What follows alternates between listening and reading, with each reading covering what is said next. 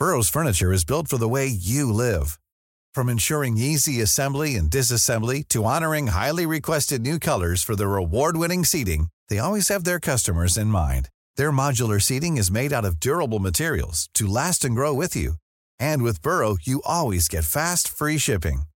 Get up to 60% off during Burrow's Memorial Day sale at burrow.com slash ACAST. That's burrow.com slash ACAST. burrow.com slash ACAST. Many of us have those stubborn pounds that seem impossible to lose, no matter how good we eat or how hard we work out. My solution is PlushCare. PlushCare is a leading telehealth provider with doctors who are there for you day and night to partner with you in your weight loss journey. They can prescribe FDA-approved weight loss medications like Wagovi and Zepbound for those who qualify. Plus, they accept most insurance plans. To get started, visit plushcare.com slash weight loss. That's plushcare.com slash weight loss. Hey, Dave. Yeah, Randy. Since we founded Bombus, we've always said our socks, underwear, and T-shirts are super soft. Any new ideas? Maybe sublimely soft. Or disgustingly cozy. Wait, what? I got it. Bombus. Absurdly comfortable essentials for yourself And for those facing homelessness. because one purchased equals one donated. Wow, did we just write an ad?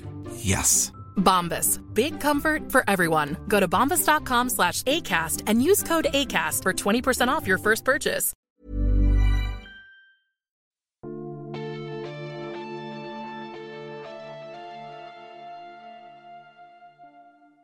Välkomna till Sagan om Isfolket-podden, avsnitt 10. Vinterstorm! Jag heter Dan och med mig har jag Anna. Hej Anna! Hej Dan! Hej! Hej! Nu ska vi prata Villemo. Ja, jag hade hoppats att kunna säga till dig jag hade fel, jag ångrar mig, den här boken var en positiv överraskning. Ja, nu ska vi försöka vara positiva. Ja, den, men den, var, den hade jättemånga överraskningar. Jag mindes väldigt, in, väldigt lite av storyn eftersom det var länge sedan jag läste den. Den innehöll väldigt mycket positiva överraskningar men boken var inte så positiv så jag är ledsen. Ja, jag vet inte vad jag ska säga än, men vi har väl mycket att säga om det. Ska vi börja helt enkelt referera boken och se vad som hände i den? Ja, det tycker jag vi gör. Vi är ju då alltså framme på 1673 och det har ju hänt en hel del i isfolkets historia. Ja, det är det här första kontakten med Svartskogen i början av boken. Och sen helt plötsligt är det massaker.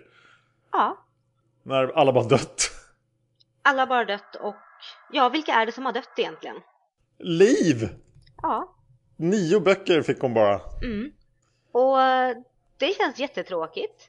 Ja, och off camera liksom. Man fick inte ens se henne dö. När man fick någon slags minnesbild av hennes döds, eller så här, när hon var sjuk innan men jag känner mig lite snuvad på konfekten. Jag också, Alexander. Ja, Alexander! Både Liv och Alexander och sen har vi Yrja som har gått bort också och det skär ju lite grann i hjärtat på riktigt. Ja, hon fick inte... Hon fick knappt ens ett omnämnande där. Hon var bara borta. Ja, precis. Ja, platsen var skrikande tom. Mm.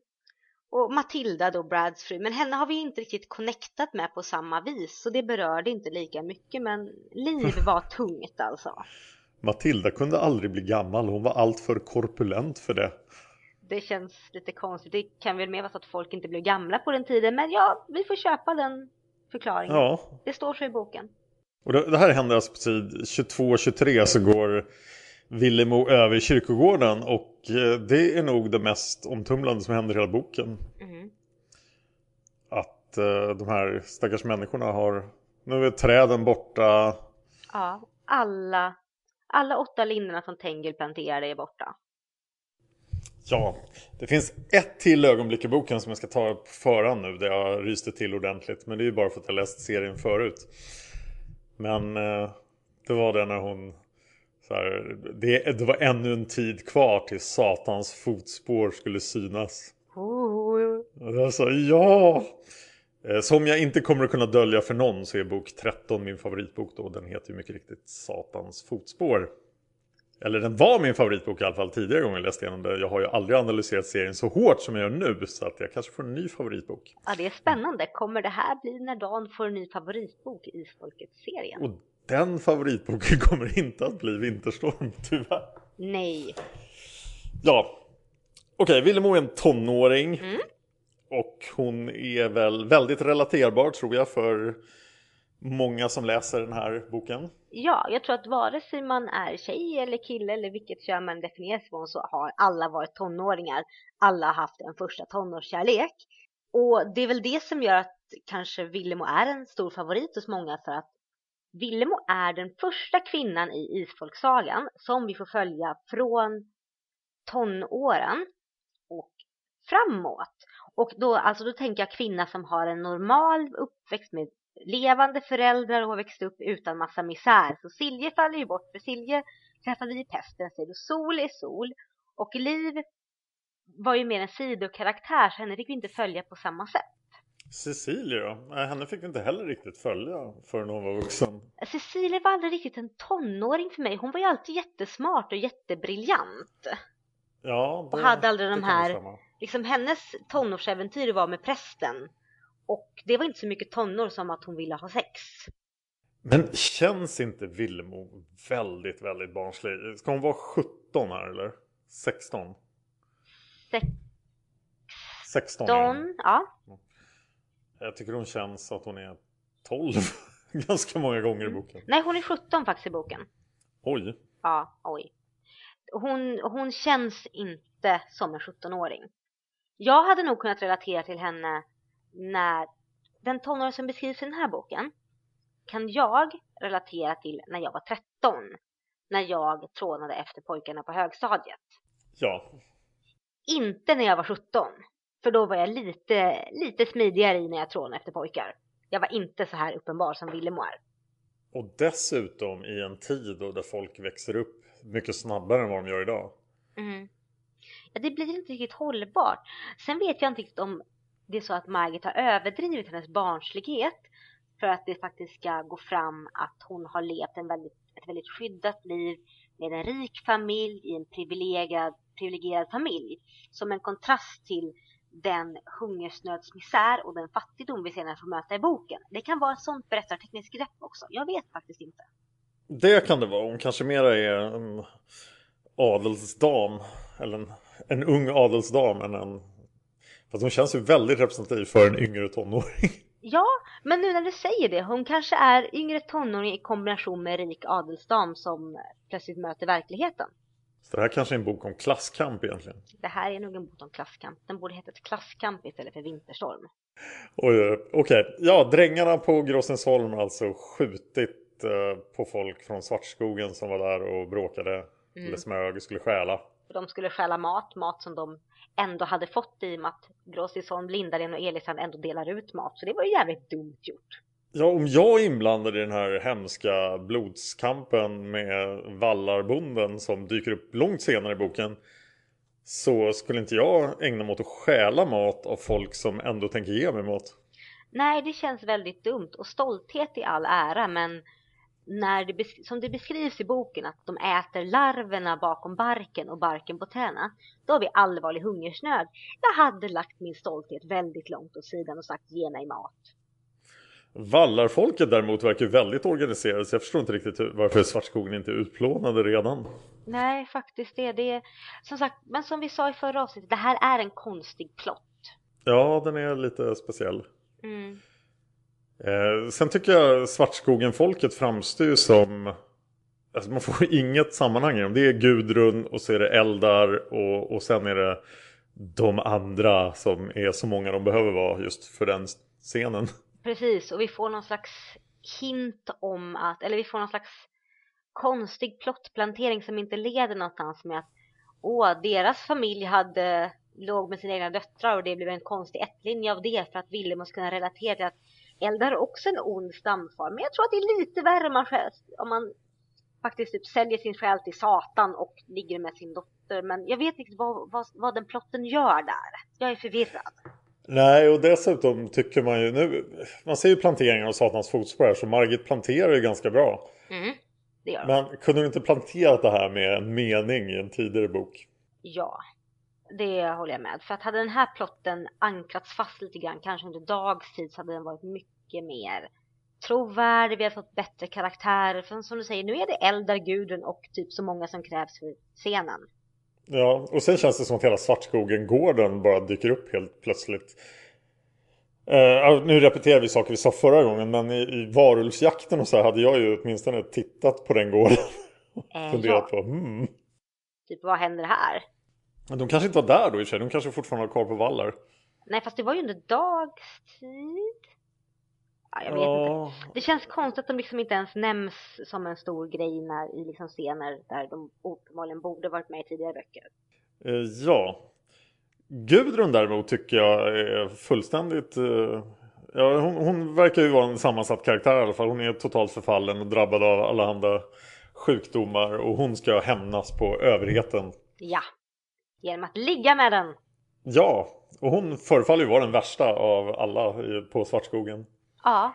Hon hittar sitt lämpliga offer där i stackars Tristan. Stackars Tristan, mitt hjärta gick ju sönder. Ja, som Tristan ungefär. Så han blir ju helt förstörd av det här. Ja, herregud. Det är en snygg plantering om vi tänker lite grann vad som kommer längre fram. Ja, nu är vi nästan ute på spoilervattnet men ja, han, han har ju blivit helt förstörd. Mm. Stackarn. Ja. Och han försvinner ju i princip ur handlingen här i början, vilket hon också gör. De gör sin grej och sen försvinner båda två. Och istället hamnar i fokus på den stora kärlekshistorien, alltså Eldar Villemo, eller snarare Villemo springer efter Eldar. Ja, och jag tycker att till skillnad från alla tidigare historier i böckerna så är det otroligt Villemo-fokus. Mm. Alla andra försvinner ju fullständigt. Vi är i princip i Gråsensholms socken men vi får nästan ingenting om någon annan karaktär. Nej, jag tänkte på det också. Och då har vi ändå haft böcker med kvinnliga karaktärer. Vi har liksom haft, jag menar Yrja som har haft sin bok, Hilda har haft sin bok, Jessica har haft sin bok, Tancred har haft, ja, Tancred och Jessica hade ju sin bok. Men det här är så uppslukande Villemo så att det blir nästan lite platt. Ja, finns det någon annan scen än den där Mattias och Tristan pratar med varandra? Där, ja i och för sig det är när de så här var... det här är ju som det där testet när man ska se om en bok är, är, är en bra kvinnoskildring. Finns det kvinnor som pratar med varandra om någonting annat än män? Bechdel-testet. Ja, och här kan vi prata om finns det isfolk som pratar med varandra om någonting annat än Villemo? Det är Mattias och det är Tristan, för sen pratar Niklas och Dominik pratar om vart är Villemo. Caleb och Brand pratar om vart är Villemo. Och ehm, Alla pratar om Villemo hela tiden. så att det är ju inte, det här är inte en plottförande bok, det här är vart är Villemo. Ja. Och vart är Villemo? Ja, eftersom Villemo är som hon är och tycker att hon ska bli kär i Eldar som är, vad är hon, han är åtta år äldre, jättedålig, jätteaggressiv i sättet, jättekonstig karaktär och hon faller för honom så hon springer efter honom. Ja. Och det börjar med att hon springer efter honom när han blir anklagad för mord. Och när då, ah gud jag kan nästan inte ens ta upp det här, jag blir så kränkt.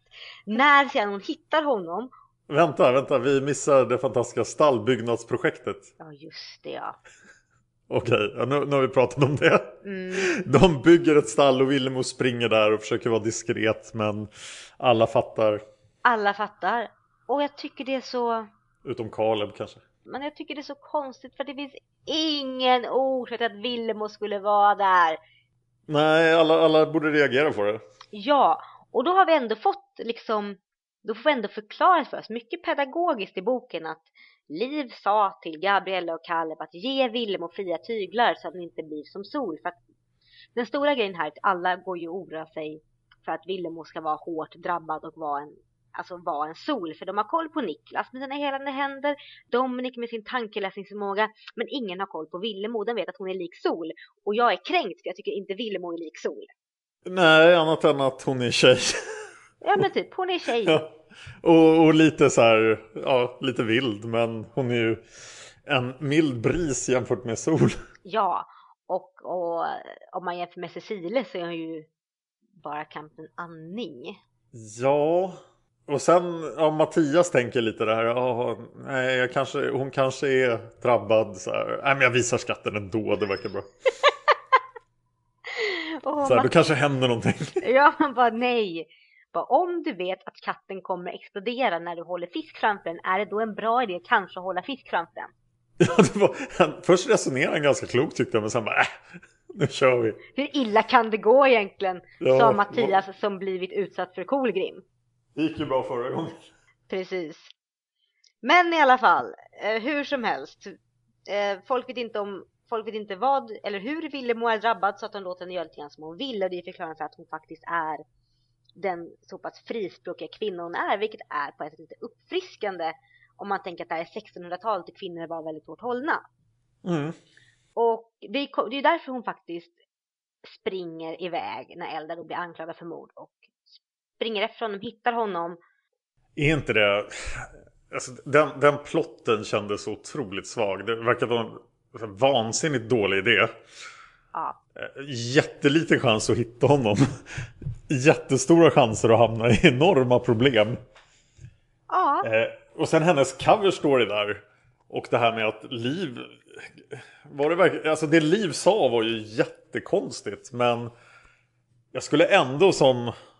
Karl verkar ju lite överbeskyddande så här. Och som pappa där. Jag ska gå iväg till andra socknen så här. Till någon stackars fattig familj. Liksom, va? Typ, Okej, okay, men då, då följer jag med. Och liksom, är de... Isfolket vill ju ta hand om folk och säga så oj, finns det en stackars hungrig familj, det måste vi göra någonting åt. Men nej, det är klart du ska gå iväg. Och, st- och stanna borta över natten, det verkar jättebra. Ja, och jag vill ändå poängtera, vi är fortfarande på 1600-talet och kvinnor har ingen bra ställning här. Ensamma kvinnor har inte gott rykte och de släpper ändå iväg Villemo. Ja, ensamma adelsdamer springer omkring över natten I ute i gula skog. sidenklänningar, hon måste ju lysa som en fucking påskkyckling i skogen. Ja, Nej, jag, jag vet inte riktigt. Men hon hittar Eldar, allting går åt helvete, de dräper två män av misstag. jag tycker det här med Hängmansträsket var ganska intressant. Alltså själva platsen var rätt spännande och Barbros stuga och, Ja, och sådär. När han försöker låtsas vara hängd och det är, alltså just stämningen där är väldigt bra. ja. Och Hängmansträsket är en väldigt intressant plats. Ja, det är en av höjdpunkterna i boken tyckte jag. Oh ja. Som tyvärr sedan lite senare följs av en av de riktiga dipparna i boken. Jag, jag tycker du har en dipp redan där då vid, det här, vid den här striden. Mm, För, ja vad är det som händer där egentligen? ja, de försöker ju de försöker ju våldta Vildemo. Ja, och det känns också som så här som slentrianvåldtäkt som att de gör det hela tiden. De bara, ja, ja, då måste vi väl våldta dig också då, för det står i vår befattningsbeskrivning. Ja, och jag vill påpeka att vi har klarat oss igenom nio böcker! Nio böcker utan någon som helst antydan till våldtäkt. Det enda som hände, jo, förlåt. Nästan nio. I Trollbunden var det någon som försökte våldta Silje, eller ge sig på Silje, Silje knä och sprang därifrån. Och, men vi har klarat oss igenom plottelementet kvinna håller på att bli våldtagen, måste bli räddas av man. Äh, nej, det har vi inte. Har vi inte gjort det? Nej, du missar den brutala gängvåldtäkten av Meta. Ja just det, jag meta fan också! Helvetes jävla skit! Men hon blir räddad av Den, sol, det är inte den man! är ganska hemsk. Förlåt. Förlåt, jag tar tillbaka det. Men eh, jag förstår vad du menar och eh, det här känns det så... Eh, det känns onödigt på något sätt. Ja. Det hade kunnat vara ett... Eh, alltså våldtäkt som plottelement är ju omstritt och jag gör ju en podcast om Game of Thrones. Och där var det ju i en episod som var väldigt kontroversiell. Många slutade titta på Game of Thrones överhuvudtaget. Eh, jag, jag tror att det är ett verktyg man ska använda sparsamt. Och här känns det verkligen onödigt. Tycker jag. Det känns som att det hade varit bättre med ett, ett hot om det. För men de, det är så väldigt slentriant här. ja, det känns så, jag tror att det jag vill sätta fingret på är att det känns så vanligt. Det känns inte som att, det känns inte som det är hemma i den här typen av, det känns inte som hemma i isfolket är. Nej, och, och Margit kan ju skriva fruktansvärda våldtäktsscener som är jätteläskiga men passar in i historien. Och, och jag tycker inte det här är en av dem. Nej, och jag stör mig väl särskilt på liksom det här att det plötsligt går in på någon slags nu får Millemo ge upp sin glorifierade bild av våldtäkt. Och jag har så svårt för den övergripande perspektivet som kommer in här igen. Ja, det är verkligen en moralisk pekpinne. Har folk en glorifierad bild av våldtäkt? Jag vet faktiskt inte. Jag tror att en del kan ha det kanske. Alltså just det här, det finns nog en poäng i det som Margit skriver, liksom att mystiska och la la la, att man inte riktigt greppar att det faktiskt är en hemsk sak. Ja. Jag tror att det finns någonting i det. Men jag stör mig på att det kommer in som en liten pekpinne i den här historien. För som säger, Margit kan skriva väldigt mycket bättre än så här. Ja, det är inte den enda pekpinnen i den här boken. På något sätt känns boken väldigt moralisk någonstans också. Det är mycket det här, ja men samma som du nämnde i när vi poddade om den ensamma. Att det här ovanifrån perspektivet, någon som säger så här att ja, men så här, ack nu har Villemo fallit i samma fälla som tusentals kvinnor innan henne och jag tycker att ja, jag behöver inte höra detta för att det är så uppenbart för att man kan relatera till Villemo. Man har fallit för någon, något asshole någon gång i livet men jag behöver inte få det skrivet på näsan. Var det så att du upplevde det här annorlunda nu när du är vuxen? Än när du läste böckerna första gången? Ja, definitivt. På vilket sätt? Jag tror just att det som, när jag tittar tillbaka på, liv, på mitt eget liv och jämfört med, jämför med boken. Så här, jag kan ju relatera till mycket mer i boken nu än vad jag gjorde när jag var i tonåren och läste den. Men det gör ju också att jag stör mig mycket mer på pekpinnarna. För att jag vet om detta som tonåring så var jag mer såhär, då kunde jag liksom inte greppa alla pekpinnar. Jag bara, nej men det är klart man inte faller för något as. Det skulle man ju aldrig göra. Och när man sitter och faller, nej, det skulle ju aldrig hända liksom, tycker man själv och ska vara mycket klokare än alla andra. När man var yngre och läste den så var den mest lite så konstig med alla pekpinnar. När man, nu när jag var äldre och läste den så var den mest irriterade för att det är så uppenbara grejer som är pekpinnar på. Mm. Det tror jag är det största jag har problem med den här boken. Jag tycker det är gjort ganska annorlunda från den ensamma ändå. För här är det så väldigt moraliskt. Ja, det är det definitivt. Också Villemo som hon framställs i boken känns så... Och det, det är väl en del av hennes skyddade uppväxt då. Men hon känns så naiv och oskyldig och ja, nästan orealistisk. Jag hade nog kunnat köpa en, o, en, så här, en drömmande naiv världsfrånvänd adelsdam ifall inte Villemo hade växt upp med den familj hon växte upp med. För vi känner ju isfolket. Vi vet att hon har växt upp med jättevettiga människor. Hon har växt ja. upp med Karl, Mattias, Irja, Liv, Alexander, Cecile, Brand. Alla de här människorna som har fötterna på jorden och är vettiga. Precis. Tillbaka till historien då. Just det, nu ska vi komma till den värsta scenen av alla. Ja, usch. För när någon har nästan blivit våldtagen då måste man kontrollera att de fortfarande är en jungfru. Precis. Och det är ju lätt, lär vi oss i den här boken. Det är jättelätt. Man bara kollar om mödomshinnan finns kvar och jag är jättekränkt för det finns ingenting som heter mödomshinna. Det är det första jag är kränkt på. Och sen också att Eldar leker gynekolog. Vad händer? ja, det är en väldigt märklig scen. Ja, för han är inte alls pitchad som den typen av karaktär som skulle veta hur man ser att en kvinna är orörd eller veta vad en mödomshinna, som inte finns, är för någonting. Men plötsligt har han benkoll på exakt hur man ser att någon har blivit våldtagen.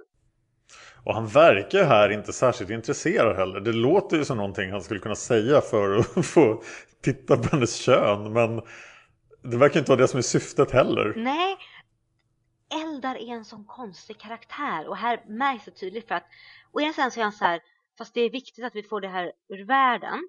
Att vi måste undersöka för att annars kan du bli med barn och det är inte en bra sak. Han är den omtänksamme, varmhjärtade personen som bryr sig. Och andra sidan tycker han sedan att ja, fast det är synd att du inte var orörd för i så fall hade vi kunnat ha roligt för kvinnor, vad är det, änkor och skändade flickor, de är ju frivilligt vilt. Man bara, ja, gifta kvinnor också. Just det, gifta kvinnor, änkor och skändade flickor, det är vanligt vilt. Man bara, vad hände här? Han svänger, han, han pendlar liksom från omtänksam, jättemild till ett fucking asshole. Jag tycker inte han håller ihop alls. Han, han framstår som han ska vara den här vilda farliga killen som sen ska bli omvänd. Eller åtminstone ska det finnas en antydan om att de blir omvänd. Men jag, jag tycker han pendlar för mycket. Och han pendlar även i, när vi har hans perspektiv. Att han, han varierar från avsnitt till avsnitt på vem man är.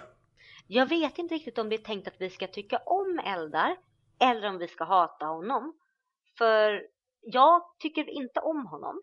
Men jag hatar honom inte heller. Jag mer undrar hur tusan han har kunnat klara sina livet med en sån personlighetsklyvning.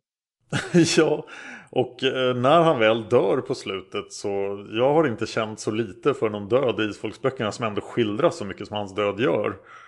Och den har potential för en jättefin dödsscen. Jag menar, han dör uppe i Villemos armar. Det är jättevackert, det är vinter och alltså det byggs ju upp för den här grejen mellan Vinterstorm. Boken heter hans fucking dödsscen. Mm, den är på framsidan av boken. Ja, och det känns bara, meh. Han dog. Ja, om vi ska tala om den här dödsscenen också. Nu, nu hoppar vi lite vilt här, men fyra vallarmän är där för att hämnas för Måns vallar. Och de stöter på Eldar med en hötjuga då i hans briljanta plan där också. Han, han är ändå känd som han är ganska kompetent fram till dess. Men nu är han liksom här, jag ska ut i snöstorm i en hötjuga och, och döda alla. Ja, för jag fick inte vara med på upproret så jag är sur. Eh, och då möter han de här fyra männen som då avlossar fyra skott mot honom. Så var och en av dem skjuter en gång. Och sen bara försvann de. Ja, vad trodde de skulle hända? Skulle han hoppa på det med sin hötjuga? Ja, men han, de, de skulle väl mörda honom då, det var väl planen. Men varför gör de inte det? Utan de skjuter på honom med sina värdelösa 1600-talspistoler. Och sen går? Och sen borde de rimligtvis kontrollera om han var död eller inte. Men nej, de lämnar honom där. Nej, och det känns så här jättekonstigt för att det hade varit en sak ifall de tycker okej, okay, en nere, nu hittar vi den andra personen, alltså Villemo. Men de verkar ju bara begett sig hem. Ja, den verkar ju bara fallit ut genom ett hål i manus. ja, men lite så. Och det, nej, det är jättekonstigt. Och jag förstår ja. ju att scen, att jag förstår att det är tänkt att Eldars dödsscen ska ge Villemo en slags insikt i hennes syfte med livet och ge henne en boost, att hon har den tragiken i bakgrunden. Jag förstår helt plotlinen. Men i och med att Elder är en så konstig karaktär så kan jag inte känna någonting för honom. Vilket gör Villemos tragik bara blir jättekonstig. Det blir liksom ingen umf i det. blir bara så här, ja men det var ju skönt att bli kvitt det aset. Ja, det känns som det här hade kunnat göras utan att det hade behövt gå en hel bok. Ja. Sedan får jag också fråga dig lite grann. Eh, vi ja. har ju hela den här sidoplotten, eller den här stora plotten i boken som kallas Upproret. Just det, och sen har vi den här tiden på, på gården också. Ja. Men eh, ja, upproret. För det är så de hamnar i på gården, att de blir indragna i det här. Norge ska vara ett fritt Norge, fritt från danskar. Och här är gjort att vi borde kalla boken för Klasskamp istället för Vinterstorm. Ja, men här är det lite spännande. Okej, ni måste vara på den här gården och ni måste hålla er gömda. Och, och sen här ledaren som bara ger dem coola order. Precis, och det är ett helt nätverk av upprorsmän över hela Norge. Ja, och, och han är den lokala ledaren, för han är inte den här skaktavel som dyker upp senare. Han eh, skärsliparen. Nej, precis. Som uppenbarligen är då ledaren för ledaren. Mm -hmm. Om jag förstår upproret rätt. Men det är en intressant plott där och den här långa vandringen och de, ja, de är så eländiga och de ska hitta den här gården. Och, ja, det, det kan jag köpa. Ja, den, den biten gillar jag. Du skulle fråga mig något innan jag började babbla. Jo, hela den här upprorshistorien. Det var väl det jag tänkte på att det här har ju inte, vi får ju hintar i boken, eller vi får ju, det är inte en hint det sägs ju att det här uppror försvann i historien, det kom aldrig någon historiebok. Ja. Är det här alltså ett uppror som Margit bara har skrivit in?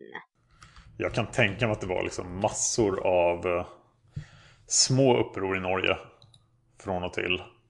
Och att de som nämns i historien bara är ett fåtal av dem som finns. Att, att, att ett sånt här uppror skulle kunna ha hänt är nog ingen omöjlighet.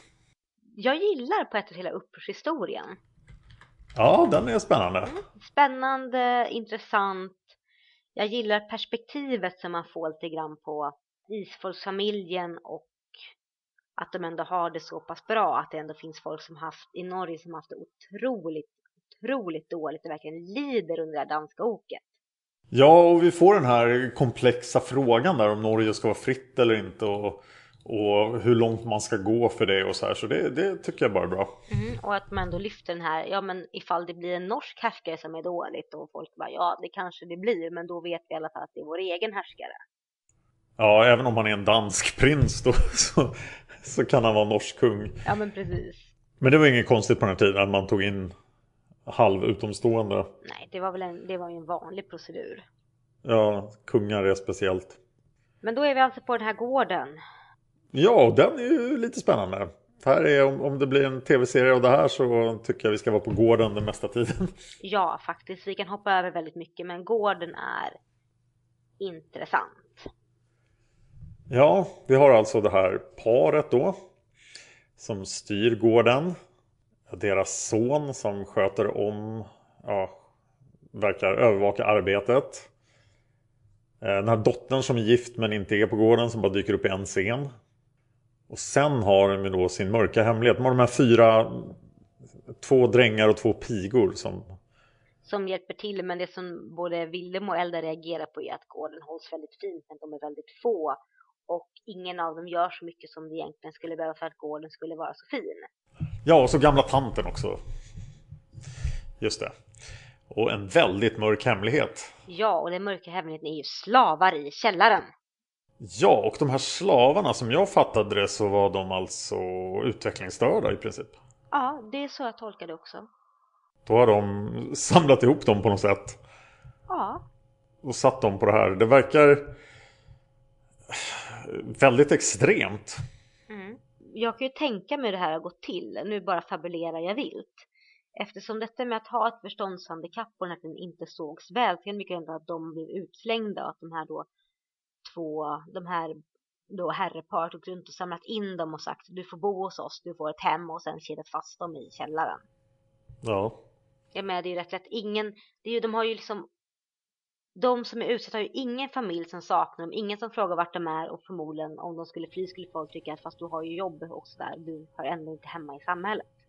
och det kanske började med deras egen son då. Ja, Som vi får aldrig reda på när han hamnade där, eller hur? nej, utan bara att han är där, han är också förståndshandikappad. Precis. Ja, nej, men det blir ju gripande. Och de här scenerna under vårdträdet när de får prata med varandra en gång om dagen. Och de ska låtsas vara syskon. Och... Ja, och igen så ifrågasätter jag ju här att Villemo ska ju vara 17 men hon framstår som väldigt mycket yngre. Ja, fast här försöker de väl göra henne yngre också. Ge henne flätor så ser hon plötsligt ut som 15. Och... Ja, jag tänker mer på hennes inre liksom tankegång och sådär. Ja, hon känns ju verkligen som ett barn i många av de här scenerna. Ja, när hon upptäcker att hon kanske vill ha ett fysiskt förhållande med Eldar eller att det är någonting som finns och Eldar som pendlar mellan att så här, ja men han vill ta hand om Willem hela livet och sen vill han bara ligga med henne. Ja, och döda danskar. Ja, det är jättekonstigt men överlag gillar jag, jag gillar tiden på gården väldigt mycket. Ja, och det här uppbyggnaden inför upproret. Och att det märks i hela Norge. Och, ja, det, är, det är inte dåligt. Mm. Och att det kopplas liksom an till och med att till Niklas och dem liksom bara, vart är alla människor på vår gård? Och de bara, äh, de har kanske ridit iväg för att vara med på upproret. Aha! Man kan ju förstå att folk märkte att det här upproret var på gång. Ja, Och så vårdkasarna som inte fungerar i det dåliga vädret. det är inte så eh, hemligt direkt. Nej. Eh, Jag försökte ta reda på vad en amtsman var för någonting men jag lyckades inte riktigt faktiskt. Eh, Jag hittade det omnämnt i en massa dokument. I ungefär samma mening som det var här i boken men jag hittade aldrig någon förklaring. Så om någon vet vad en amtsman är så får ni gärna berätta det i kommentarerna. Jag uppfattar det som att det är en väldigt hög kunglig tjänsteman som inte är högst. Men hög. För att upproret har ju honom som primär måltavla här. Och jag hade ju gärna fått, jag hade gärna fått se lite vad som hände på gården. När de, alla dog ju där förutom amtsmannen. Ja, som kom undan.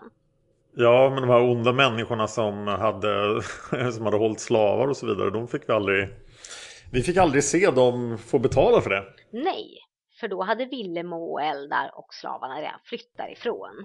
Ja, Så här, på ett, jag håller med dig på ett sätt, men sen så är det ju skönt att slippa fler perspektiv. mm, fast jag har redan haft så många perspektiv så att jag hade varit okej med. Ett till hade blivit lite jobbigt.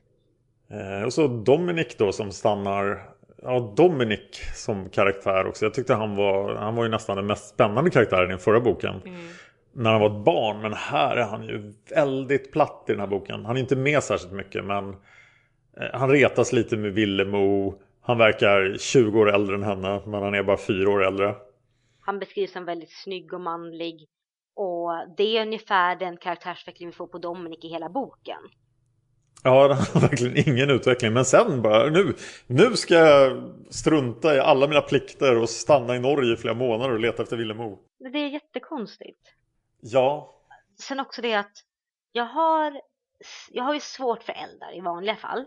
Men så fort Dominic ens nämns på sidorna innan så gör Eldar en vändning mot det riktigt, riktigt dåliga. Då är det så tydligt att nu ska vi tycka illa om Eldar för Dominic kommer in i bilden.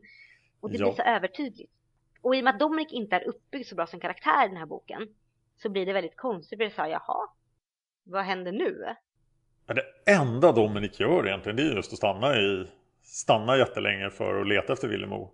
Och, och det är väl i och för sig fint men jag tycker inte det visar tydligt varför han skulle vara så himla bra. Nej, det, nej. Eller det kanske är för tydligt. Det kanske visar oss för tydligt att han, oj, han är jättebra för han stannar i flera månader. Men vi får inget grepp om honom som karaktär. Eh, Och, Niklas är en varm kille med helande händer. Eh, Så han är i princip kvar på femårsstadiet.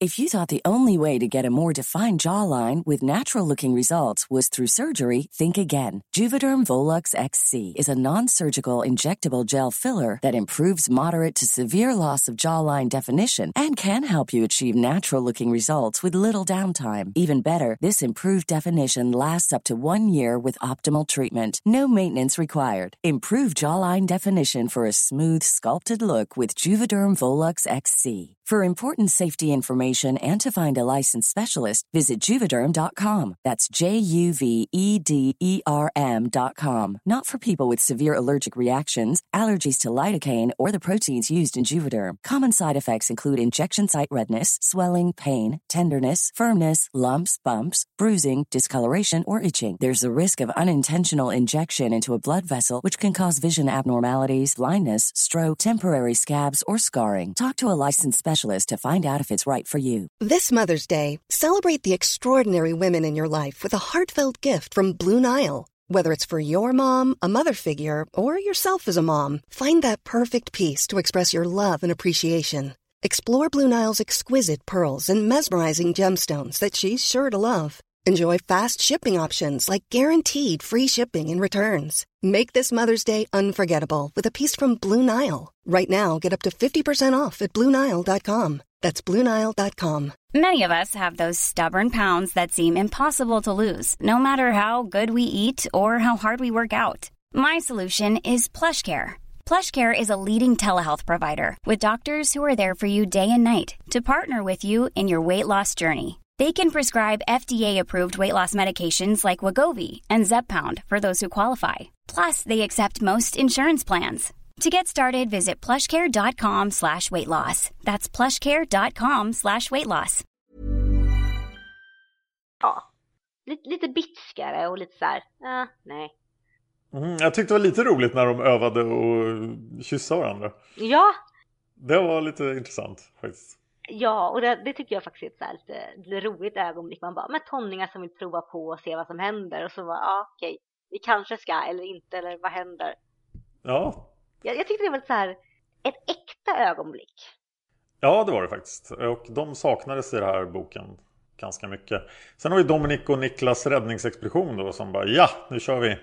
Och så rider de dit och de, ja, de får väl de blir insnöade i det andra huset någon gång men annars går det mest på räls. Ja, och det är väl det som gör att hela den här grejen med att ja, men Dominic har varit och letat efter Villemo jättelänge. Hade vi fått reda på lite mer att Dominic, att Dominic och Niklas och de faktiskt letar aktivt mera så hade jag nog känt mer för att Dominic kan stanna kvar. Nu blir det så här, jaha, Ja, kunde, kunde de inte hittat någon ledtråd tidigare när de var ute och letade? ja men Kunde precis. inte få se dem leta och så bara aha. För nu kändes det som de letade någonstans var helt fel i några månader och sen fick de ett hint och så letade de på rätt ställe. Ja men precis, det var så här, det var bara konstigt. Ja. Ja, vad har vi kvar att nämna här egentligen? Jag vet inte, där har jag nämnt att eldar dör, allting blir, allting går åt fanders med upproret. Ja, så när boken slutar så har det är inte så mycket som har förändrats från när boken började förutom på sid 22 då alla dog. Ja, Så det var en massaker i början och Satans fotspår är på gång. Men eh, i övrigt har Villemo haft lite tonårstrauma. Ja, och jag kan tyvärr inte känna någonting för hennes tonårsdrama för jag känner inte med eldar och jag känner inte med storyn.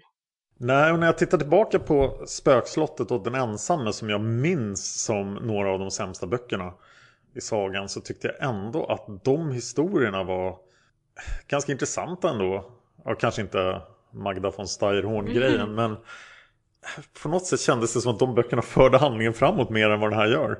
Ja, för här känns det som det bara stannar av helt och hållet. Nu vet ju jag att väldigt många älskar Villemo.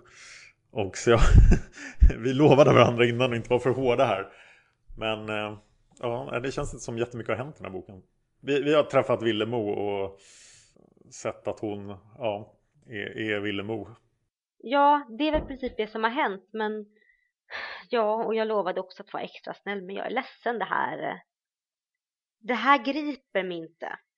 Och det, det som händer här i, i själva författandet är vid det här laget så vet ju Margit att hon kan skriva så många isfolksböcker hon vill.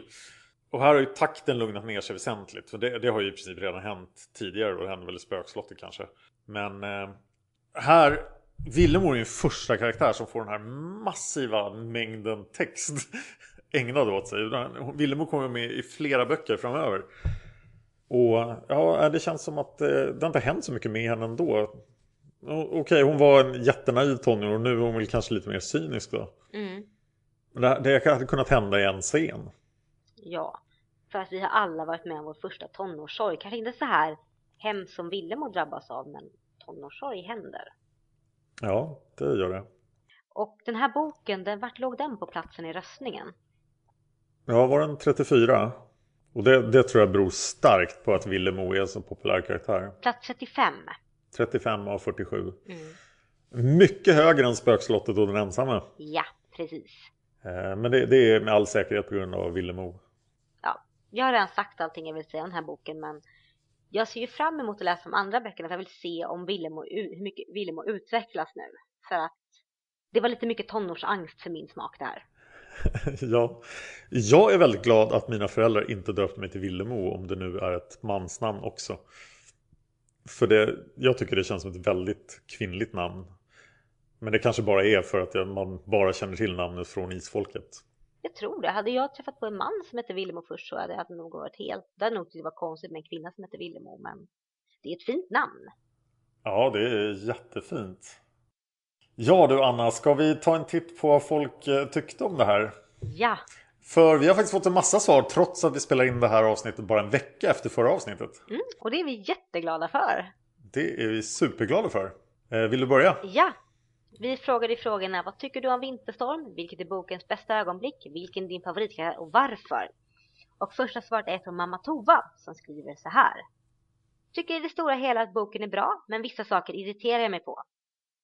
I denna bok är det återigen så ofta återigen ofta så att människor framställs som antingen goda eller onda. Det är så svartvitt alltihopa. Alla på Glömsholm framställs som underman människor som vill alla i socken väl och gör allt så rättvist och det ena med det andra. Sen kommer Willem och Elle till Torbjörn och bondparet där är bara hemska och fruktansvärda och allt som skrivs om dem är enbart ont.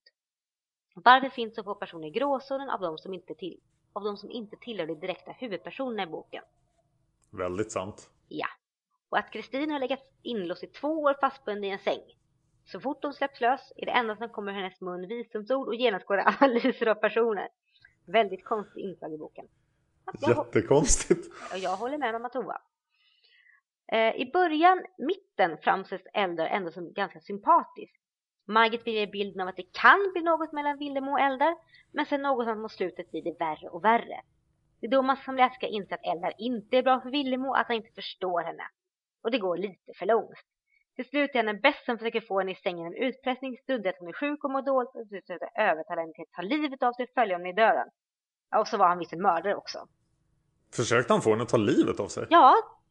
Det fattar inte jag. Nej men det, det sa han ju jättekonkret. Då ska jag pausa där ska jag se om jag hittar det här. För där var han verkligen, där slängde jag nästan boken i väggen. Oj, ja, det missade jag helt. Det står så här. Jag vill inte lämna dig. Följ med mig Villemo. Ingen annan kan få dig. Du är min. Kom med mig. Ja, han, han uppmuntrar henne till att ta livet av sig. Just det. Mm. Ja, trevlig kille. Det är inte så snyggt. Tillbaka till mamma Tovas svar. Bästa scen? Det finns många. Jag gillar scenerna kring Villemo som är förälskad i början. Hon är så tramsigt blint förälskad att det är mysigt att läsa om. Mest spännande är nog partiet med de utvecklingshämmande människorna som hålls som fångar och hur de blir räddade. När Villemo tar hand om dem.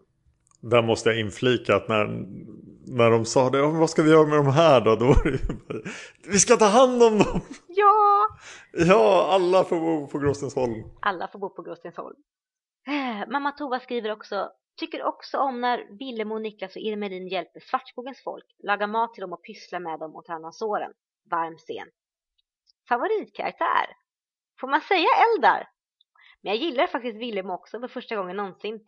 Det tog bara tio läsningar. Tur att man kan ändra sig. Ja, då finns det hopp för mig också säger jag bara. Ja, vi får bara läsa boken några gånger till.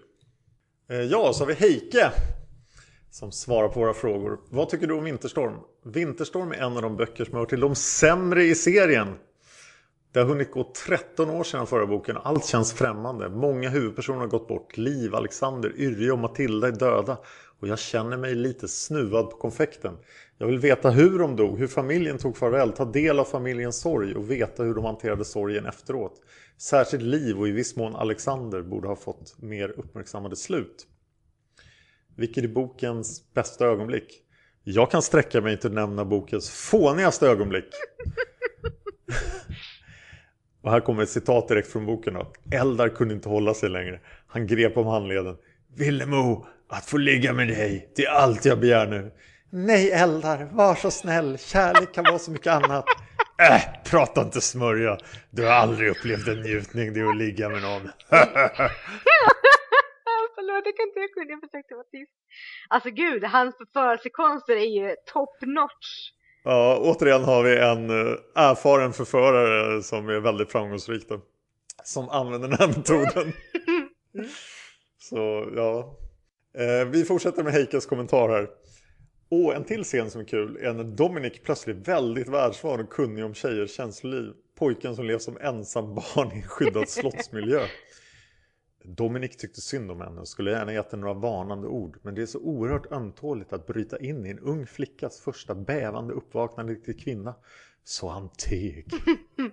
Ja, jag kom på en scen till när Villemo tigger kärleksörter av Mattias utan att vilja berätta vem hon tänkt använda dem på. Mattias blir då helt fördomsfull och säger Men tänk om det verkar? Du bör då inte välja vem som helst. I varje fall inte Jespers pojke.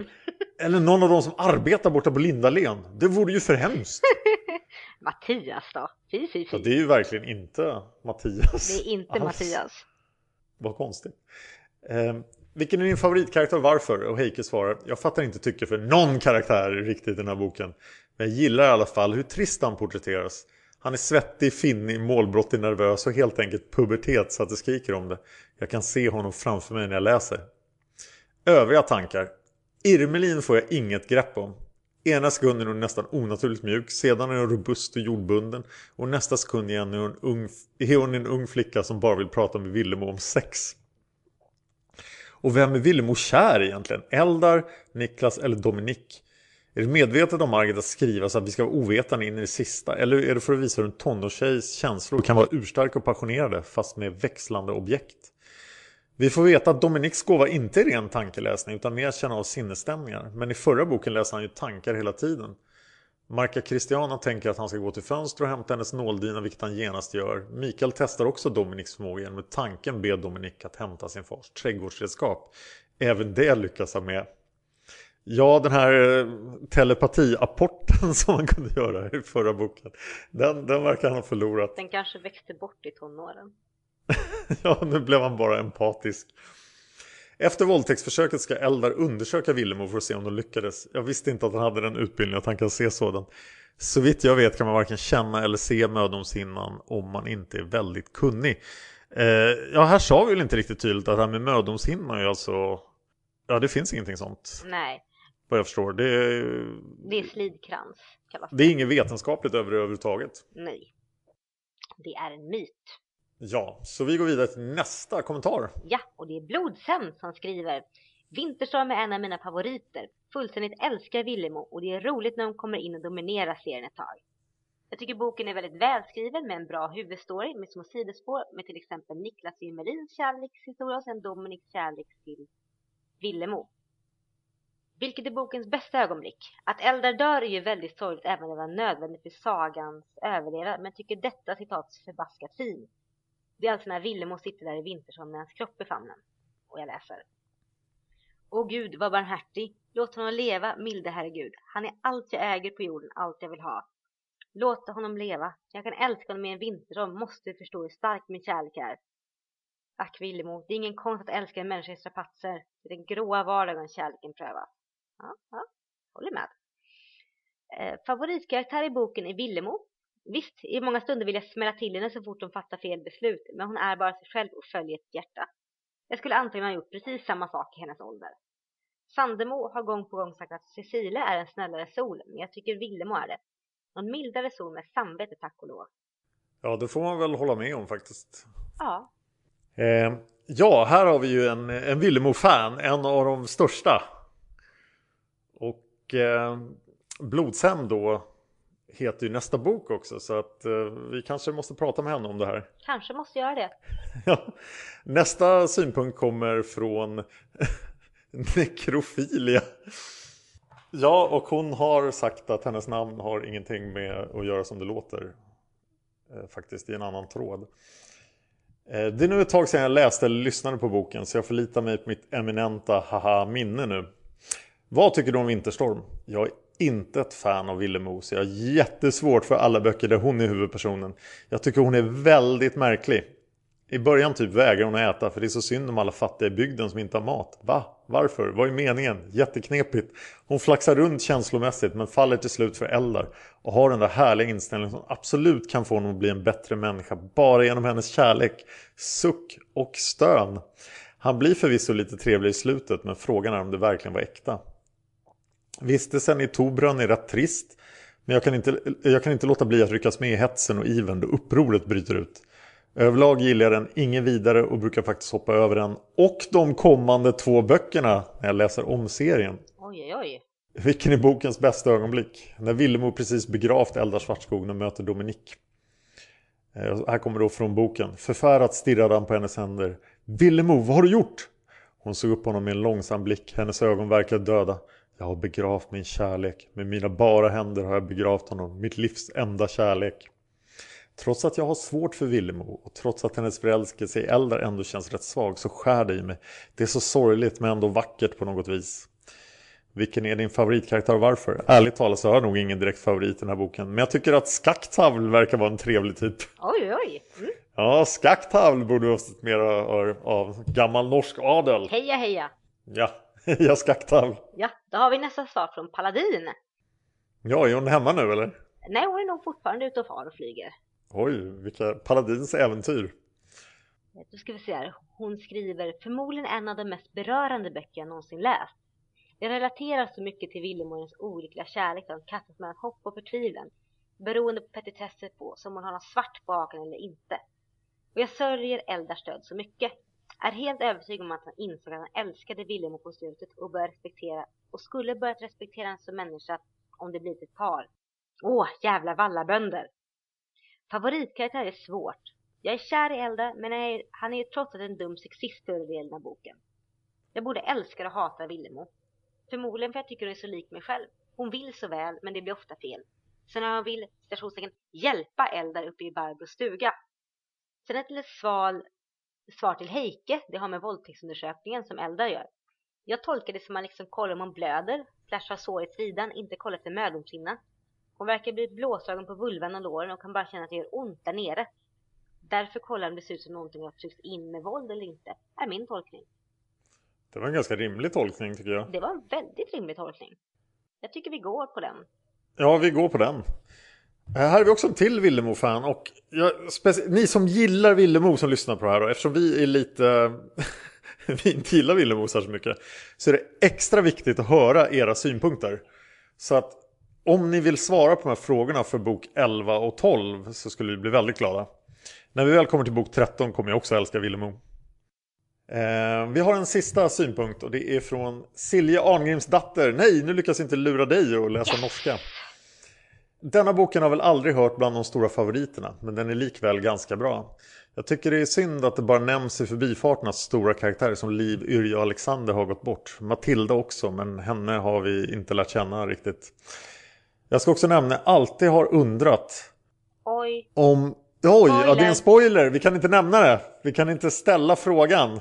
Nej. Vi går vidare. Nej, men eh, jag kommer ihåg Hängmansträsket och, och den hängde mannen som hängde sig i Hängmansträsket. Kan vi minnas. För han eh, kanske till och med nämns senare. Ah, mm. Vilket är bokens bästa ögonblick? Det mest hjärtskärande är när Villemo begraver Eldar med sina bara händer. Jag förstår inte riktigt hur det gick till. Alltså hon staplade sten på honom till slut. Ja, hon försökte gräva i jorden med en sten och sen så blev det en liten grupp och sen så byggde hon upp ett röse över honom. Det är alltså, som jag fattar det, vädret, alltså det är inte riktigt vinter. Det är töväder säger de något tillfälle. Och, men det är på gång, eller det håller på att avta. Jag tolkar det som att det är så när det är hemma och det har varit frostna nätter men snön har inte kommit än. Ja, så kan det vara. Mm. Så marken är frusen. Jag fortsätter med Siljes kommentar.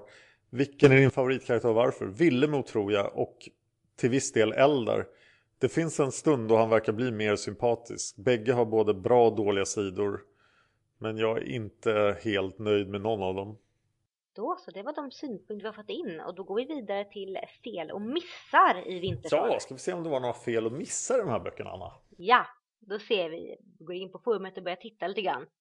Och Baten pekar ut den första missen. Tänkte inviga misserna i denna bok med att säga att långt ner på sidan 30 i denna bok så det är mormor Tankred. Sen när blev han mormor? Det står faktiskt i min bok Mormor Tankred och moster Jessica. Jag måste kolla min också, herregud. Så, så Tankred bytte kön och fick dessutom en helt annan relation till... eh, Sin fru. Ja, han blev alltså hennes mamma. Ja. Det står i min bok också. Ja, Och det här är en rätt ny upplaga för den här har jag lånat från biblioteket. Det här är upplaga 2006. va? Ja, Och de har inte ändrat det. Min är från 98. det är rätt slarvigt. Ja, så, men jag tror att det är ett rent tryckfel. Ja, Eh, Det ska alltså stå morbror helt enkelt. ja precis. Då ska vi se här. Lite mer. Ja! Nathaniel skriver, tittade i släktträdet i min vinterstorm och såg att en linje dragit lite för långt. Från Liv och Dag får tre barn. Tarald, Cecilie och Yrja. Och sen fick Tarald barn med sin syster Yrja. Och jag kan säga att det är samma fel i min bok. Ja, det är samma fel här också. Ja. Och vi brukar ju egentligen ta upp tryckfelsnissefel. Men när det är så här stora fel som hänger med från upplaga till upplaga så tar vi faktiskt upp dem. Ja, och tydligen är det här felet fixat i vissa senare böcker i släktträdet. Mm. Men inte nu. Då ska vi se det. Då skriver Paladin så här. Eldar Svartskogen verkar ju främlingsfientlig och vill således inte arbeta för husbondar och han verkar vara en petig typ eftersom Willem anses vara dansk trots hennes norske far Caleb och hennes norska danska mor Gabriella. Men på sidan 114 när han sitter och pratar med Willem och säger han, ja, jag citerar, Willem säger Jo men Niklas och de är väl i alla fall norrmän? Eldar. Jo, Linda av isfolket på Lindalin är renrasiga. Där fick vi med att arbeta på deras stall, mina släktingar och jag. Fast Tarjei, han gifte sig med en tyska. Jag känner er alla, döda som levande som du hör. Och Paladin säger, både Brand, Andreas och Niklas som var husbönder på Lindalen kommer från Are och Metas efterlinje. Meta hämtar ju sol upp i Skåne, alltså kan inte hon eller efterkommande vara norska, utan danskar. Eller svenskar, vilket land hörde Skåne till på den tiden? Ja, det var ju sven... eller det var ju danskt då. Så att Ja, så då är-. Då är Li- Lindalensgrenen faktiskt dansk också. Eh, ja, Och han, hon skriver att det har stört lite grann som Eldar verkar ha som bra koll i noga med alla andra. Eh, uttrycket renrasiga stör mig jättemycket. För det låter som ett 1800-talsuttryck. Ja, jag är helt med på din linje. För att eh, ja, rasism som sådan är ju någonting som tillkommer eh, ja, väsentligt senare. Mm. Ja, det känns som ett konstigt språkbruk att ha på den tiden. Eh, Som en jätteparentes så jag håller på att lyssna på en podcast om revolutionen på Haiti i slutet på 1700-talet. Mot eh, den franska övermakten. Och där hade man faktiskt, eh, där implementerade staten rasism. För att kolonin var inte tillräckligt rasistisk så att de ville sprida rasism så att kolonin skulle bli splittrad och inte kunna göra uppror mot Frankrike. Så att det fanns statsreglerad rasism. Herregud. Men jag tror att det, det är rätt tidigt för rasism också. Så 1700-tal är... Visst har folk liksom varit rädda för främlingar så här, men, men rasism som vi menar om idag det är en väldigt modern konstruktion. Så att prata om, om folk som renrasiga, det, det känns... Det känns jättekonstigt. Ja, anakronistiskt. Eh, har vi några fler? Du har skrivit här 2007. Ja, jag ser det. Och det var när jag Ja. faktiskt blev irriterad. Det var faktiskt med, med eh, renrasighetsgrejen, att de borde känt till Metas bakgrund. Herregud. ja. Eh, sen är det lite reflektioner över släktskap. Eh, jag Thiel är irriterad över att Liv rabblar släktskap i den där tillbakablicken. Ja, Min olyckliga kusin och fostersyster Sol. Vid det laget borde hela släkten veta att Sol var Livs kusin och fostersyster. ja, och nu läser jag ikapp här och tidigt upp en viktig sak i två inlägg till som jag tänker sammanfatta lite grann. Ja. Och det är detta det att Villemo trycker mycket på att hon är ensambarn, att hon har alltid drömt om en bror eller en syskonkärlek och fint och som tidigt pickar upp att Gabriella och har ju varit föräldrar till Eli sen Eli var sju år gammal. Och Ja, Caleb säger hon är min enda dotter farbror Brand, mitt enda barn om Villemo. Det måste vara lite sårande mot Eli. ja verkligen. De har ju döpt, och som Tilly påpekar, de har ju döpt hela gården efter sin första dotter. Det är jättekonstigt. Det är jätte, jättestort. Och det här får hon, och Tilly får medhåll av många, bland annat Blodshämnd och Heike, att det faktiskt är det är lite konstigt att Willemo framstår som ensambarn när hon har en fostersyster, Eli, som faktiskt är ingift i släkten och är en mycket reell del av sagan. Ja, som hon har träffat hela livet. Ja, det, det känns som rent författarslarv. Ja, precis. Men det var de missar som vi hade. Ja. Vi vill ha mer iTunes-recensioner. Eh, Gå till iTunes och recensera våran podd. För då kommer vi synas bättre när folk gör sökningar på iTunes. Kanske inte på Isfolket men på till exempel svenska böcker eller norska böcker och så. Så att eh, fler recensioner på iTunes. Berätta vad ni tycker om oss på iTunes. Mm. Sätt ett betyg på oss. Ja, och eh, var ärliga. Mm. Vi tycker om ärlighet. Så tycker ni vi är dumma i huvudet för att vi inte älskar Illemo så säg det. Det är helt okej. Vi vill också påpeka lite extra att bara för vi tycker illa om karaktär så innebär inte karaktären är dålig. Och som Dan påpekade innan, skriv jättegärna i frågetråd när vi lägger upp inför varje avsnitt så vi får in era åsikter också. Vi sitter och snackar massa men det är minst lika kul att lägga fram era åsikter i den här podden. Det är det verkligen. Och jag, jag tror att det är en, en av storheten med sagan just att det finns de här polariserande karaktärerna. Som vissa kommer att älska och andra kommer att ogilla. Eh, och det, det kommer tillbaka. Det kommer ju snart en kille som kommer ta upp tio böcker i sagan. Ja, herregud. Ja, Mm. tio böcker är han någon slags huvudperson i. Det är väl rekordet dock. Det är nog rekordet. Det ska bli intressant. Men han kommer inte riktigt än. Nej, vi har några böcker kvar innan det är dags för honom. Vi har ett forum. Det är där vi lägger ut de här frågetrådarna. Vi vill också att ni betygsätter alla böcker. Så vill ni att Vinterstorm ska vara bättre än nummer 34 eller 35. Så eh, behöver ni rösta på den. Och där kan man rösta betyg 1-10 på alla böckerna på Isfolket. Och när vi har gjort 47 avsnitt då ska vi sammanställa det här igen och se om listan har förändrats efter den här genomlyssningen. Eh, ni hittar forumet på isfolket.se. Där finns även podden. Och en del andra godsaker som har med isfolket att göra. Ja, så in och läs. Jag vill också slå ett slag för vår Facebook-sida. För det har vi faktiskt en som heter Sagan om Isfolket-podden. Och för det är ofta en sak som vi får mycket frågor om är vart man kan hitta poddavsnitten både när det gäller iTunes och när det gäller Youtube. Och på vår Facebook-sida så postar vi så fort i avsnitten är uppe så postar vi ut det på Facebook-sidan. Så in och tryck like på den så får ni upp den direkt i ett Facebook-flöde när det kommer upp ett nytt avsnitt. Och lite roliga frågor och lite andra grejer som vi tycker är kul att posta ut som har med Isfolket och Margit Sandemo att göra. Ja, jag vill faktiskt passa på att tacka en person eh, i samband med det här som jag inte har gjort än. Det borde jag ha gjort för länge sedan. Jag vill tacka Rexy. Rexy är den som driver isfolket.se. Hon är även administratör på forumet och sköter det tekniska runt forumet. och har vid ett flertal tillfällen räddat forumets existens. För den ursprungliga servern jag la på forumet på när jag, när jag la upp det, den finns inte längre kvar utan nu lever forumet på grund av Rexys välvilja och hårda arbete. Så tack så mycket Rexy! Tack så jättemycket Rexy, du bäst! Arbetet med föreningen fortskrider eh, och det är väl i januari det kommer eh, något slags grundande möte. Eh, vi väntar på bok den andra seriealbumet då. Det kommer väl i mars om jag minns rätt som bara är avgrunden då. Det är bara sol. Och Ray är nog väldigt entusiastisk. Ja, det ska bli jättespännande. Han får rita sin absoluta favoritkaraktär. Vi kommer ha en gäst i nästa avsnitt. Mm -mm. Ni kanske har listat ut vem det är? Ja, kanske ni har. Annars kommer ni bli överraskade. Det är en väldigt bra gäst i alla fall.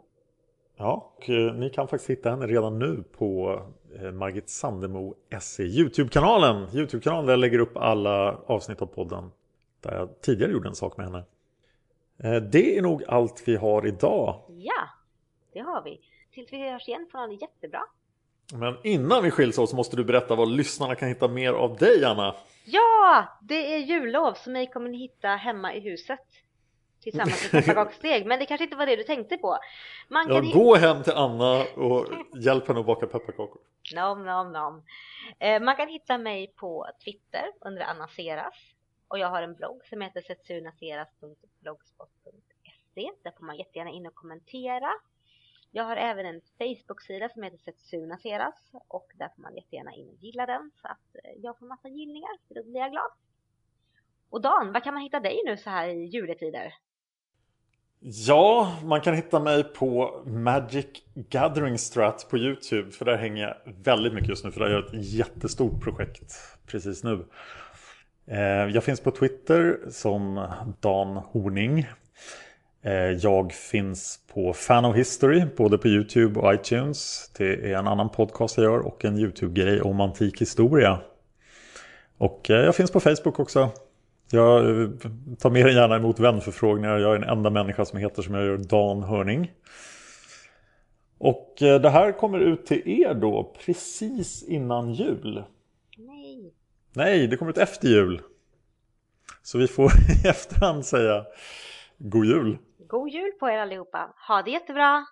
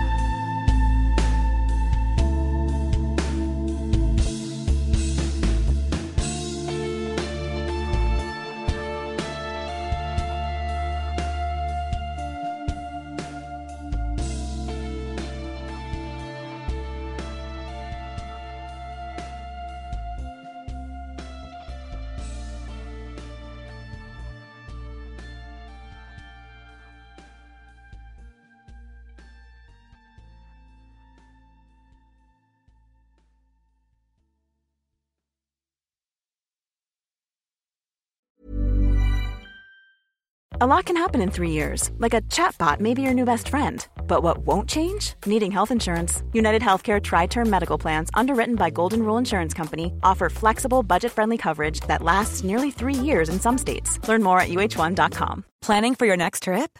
Elevate your travel style with Quince. Quince has all the jet setting essentials you'll want for your next getaway, like European linen, premium luggage options, buttery soft Italian leather bags, and so much more. And is all priced at 50 to 80% less than similar brands. Plus, Quince only works with factories that use safe and ethical manufacturing practices.